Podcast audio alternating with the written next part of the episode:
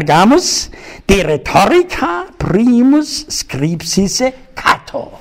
Fertur ergo Cato censorius in libris ad Marcum qui erat filius eius titulum non novimus Haec erat non vera rhetorica, sed tantumodo quaedam elementa rhetoricae, cuius sententiae celeberimae sunt, prima, orator vir bonus dicendi perites dixit haec est definitio oratoris nihil iorum pertinet et persuasione nihil debet esse vir donus primum quod etiam Plato voluerat, sed certe noi e Platone subsit.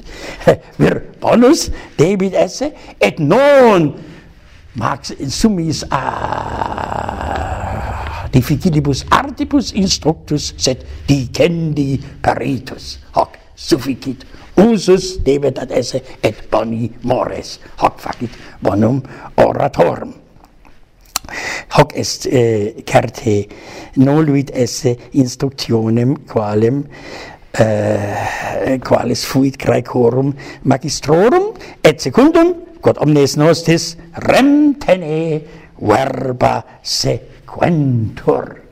Non obis est magna arte oratoria es trägt verstand und rechter sinn mit wenig kunst sich selber vor und ait faustius apud goitium und wenn's euch ernst ist was zu sagen ist nötig worden nachzujagen. Haec omnia scriptas und äh, ad imitationem äh, catonis simile etiam est in sacra scriptura ex abundantia cordis os loquitur. Wes das herz voll ist des geht der mund über und Lutherus hoc vertit. Ergo haec sunt vere aurea dicta craicae rhetoricae contraria. Secutus est antonius eh, cuius extat libellus parvus ubi novam doctrinam sed valde simplicem de statibus causae. Exponit Proximi sunt Ciceronis duo libri de inventione scripti et auctor ad Herenium qui dicitur cuius quatuor libri omnes partes rhetoricae complectuntur.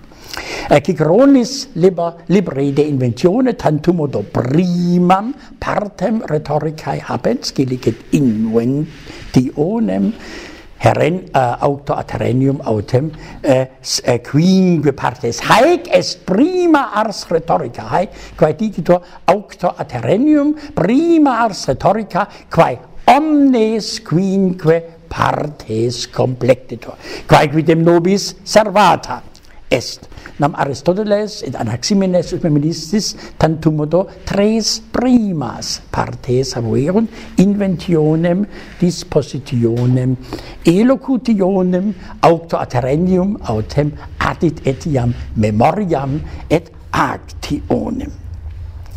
Et quoniam Cicerones auctorisque scripta saepe inter se congruunt, nunc plurimi utrumque et Gironem et auctorem ex eodem fonte latino fluxisse credunt haec est opinio communis hodie quam ego falsam puto valde falsam sed multo probabilius est auctorem multo post Ciceronem scripsisse nam nulla omnino sunt uh, vestigia uh, alicuius artis rhetoricae latinae ante Ciceronem. Sed de his rebus nunc fusius loqui nolo, vobis autem uh, has duas disputationes commenda quamiquae vidento utilissimae esse.